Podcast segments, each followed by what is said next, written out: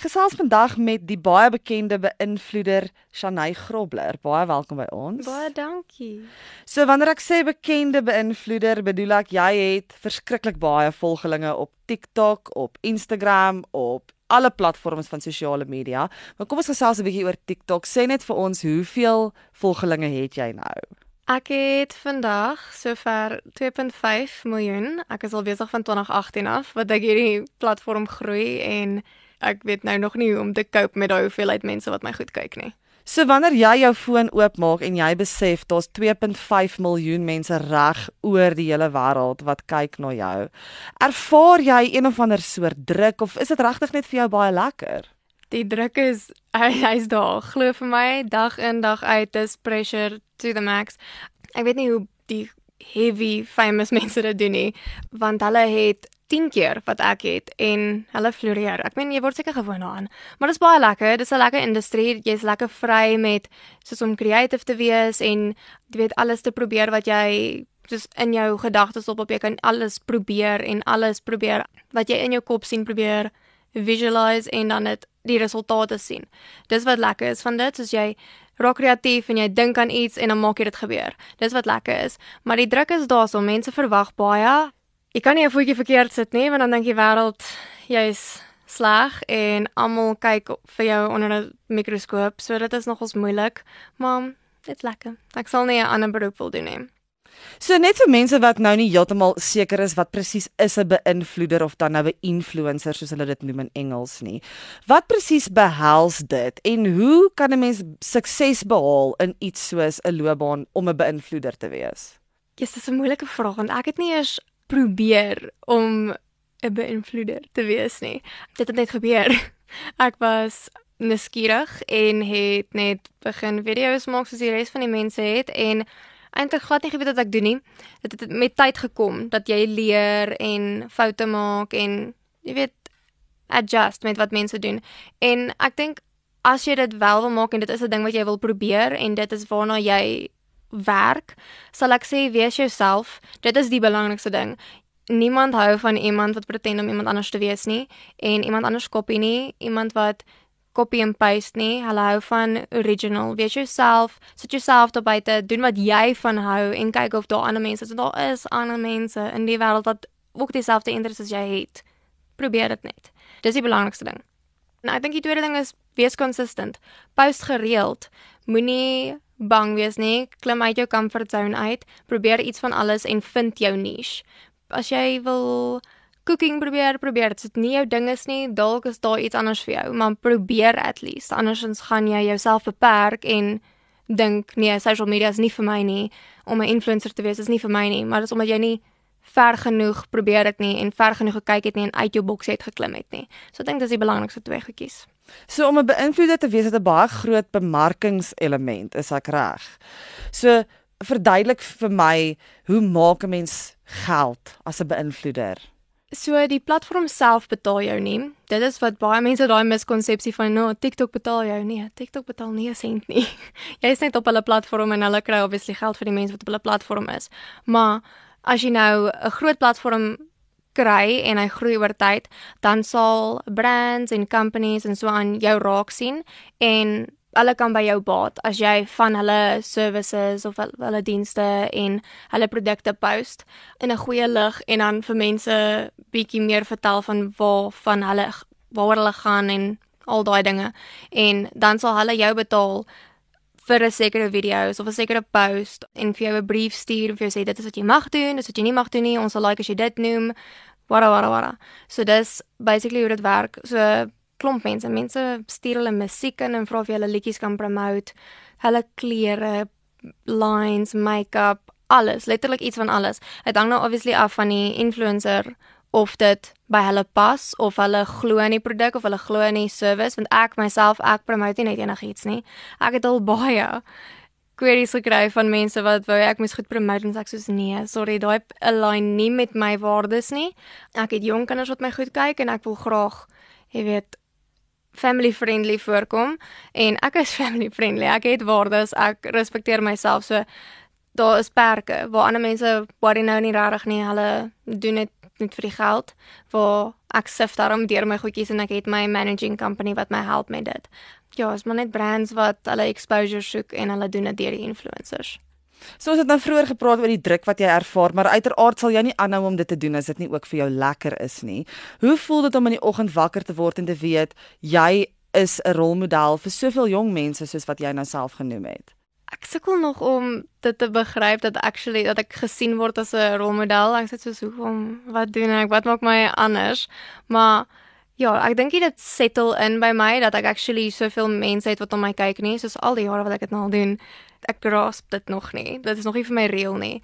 So ek dink ek voel nog steeds soos 'n normale persoon elke liewe dag. Tot jy nou moet begin werk dan dink jy okay, nou moet ek regtig dink wat ek doen en regtig kyk wat ek al buite sit want glo vir my ek post nie net enigiets nie. Ek dink aan die konsekwensies. Ek dink aan hoe ander mense dit gaan sien en wat kan ander mense offend want glo vir my mense word vinnig offended en hulle pik 'n ding so uitmekaar uit net om iets te kry om vir jou te sê. Ek meen daar's baie keyboard warriors. Hulle gaan uit hulle pad uit om jou af te breek. Al is dit die kleinste flippende dingetjie oor jou skewe tand. Hulle sal iets opsoek en iets uitsoek en dit noem.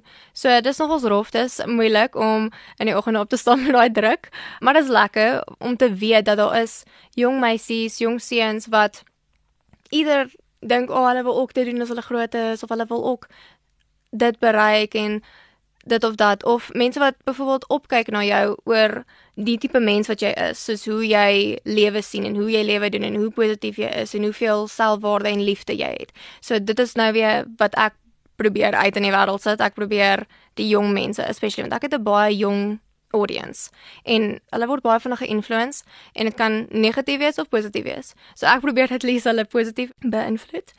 Probeer hulle net leer soos die wêreld breek jou af. So hulle kan net lees op my page kan hulle jy weet goed voel oor hulle self. Hulle kan leer om hulle self lief te hê, leer dat hulle beter is as wat die wêreld hulle uitmaak. So ja. Uiteraard raak die mense ook redelik betrokke in jou persoonlike lewe. Hulle wil graag meer van jou weet en wanneer hulle sien, jy weet, daar's ietsie van jou daar buite, stel hulle baie belang.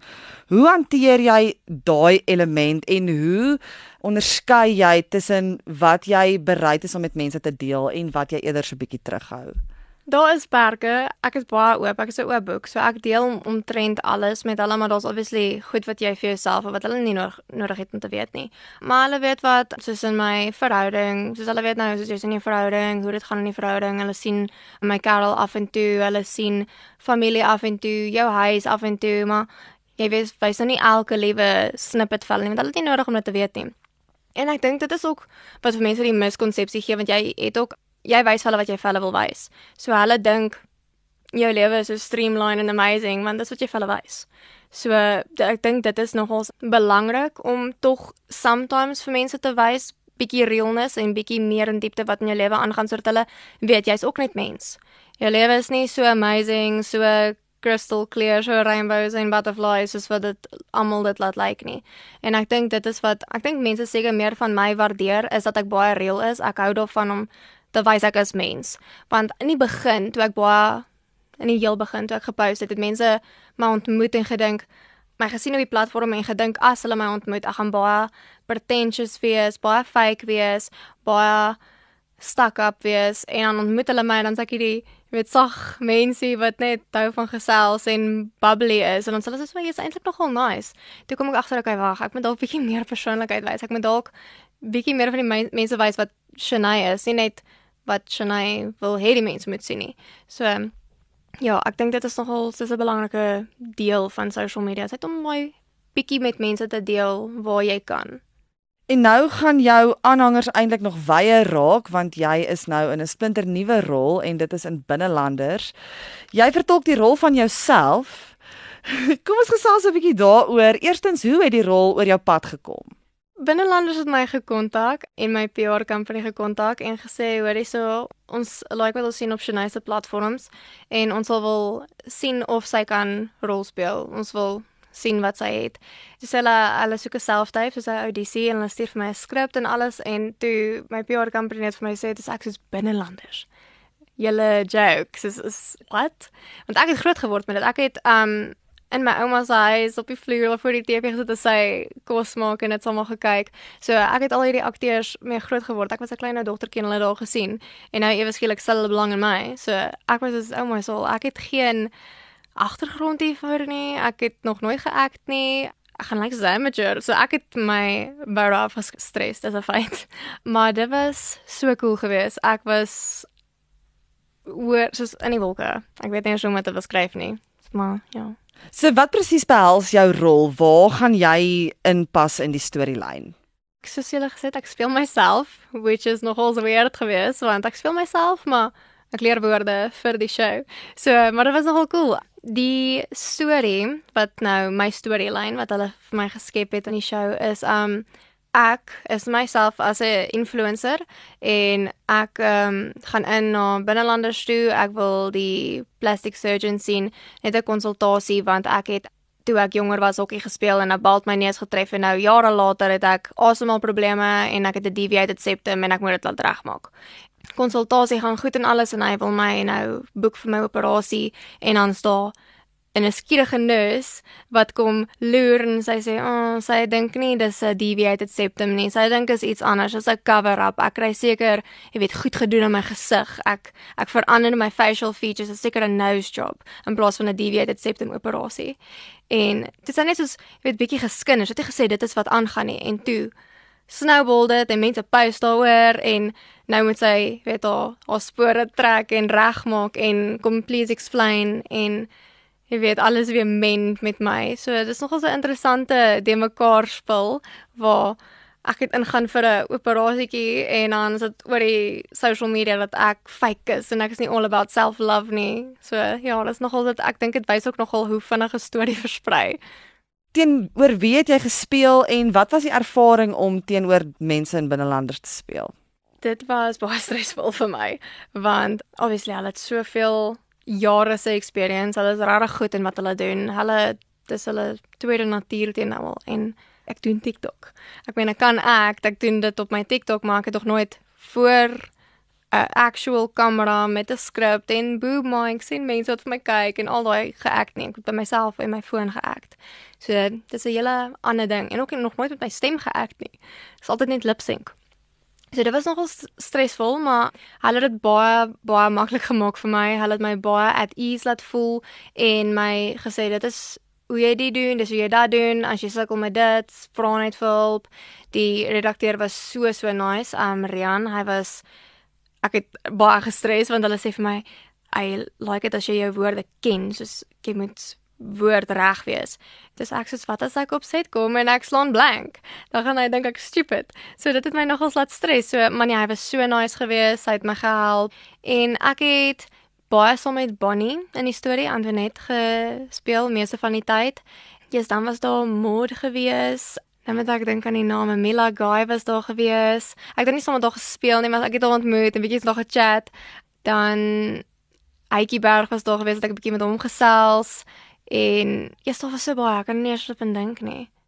En net die toneelspel gogga jou nou gebyt, gaan ons jou in nog rolle op die kassie sien. Ek dink definitief hy het. Ek het ewen toe ek op hoërskool was man, het ek gedink jy's so so cool wees om eendag te act in 'n movie te speel of enigiets in daai rigting. Was my altyd so dit lyk like fun, dit lyk like cool. Ek sal dit wil doen, maar ek het nie geweet hoe om daar te kom nie. Hoe ek het niks geweet van dit nie. So ek het net gedink aan oh, dit dit sou cool wees. Ek het nie gedink dit gaan gebeur nie.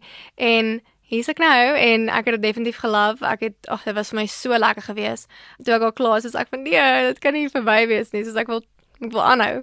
Ja, daar is 'n paar goedjies in die pipeline. So ek sien nogal uit daarna. Ek um, kan obviously nie nou veel sê nie, maar ja, nee, dit is definitief waartoe ek werk. Ek sal love om definitief daai voete in die deur, twee voetjies in die deur te maak.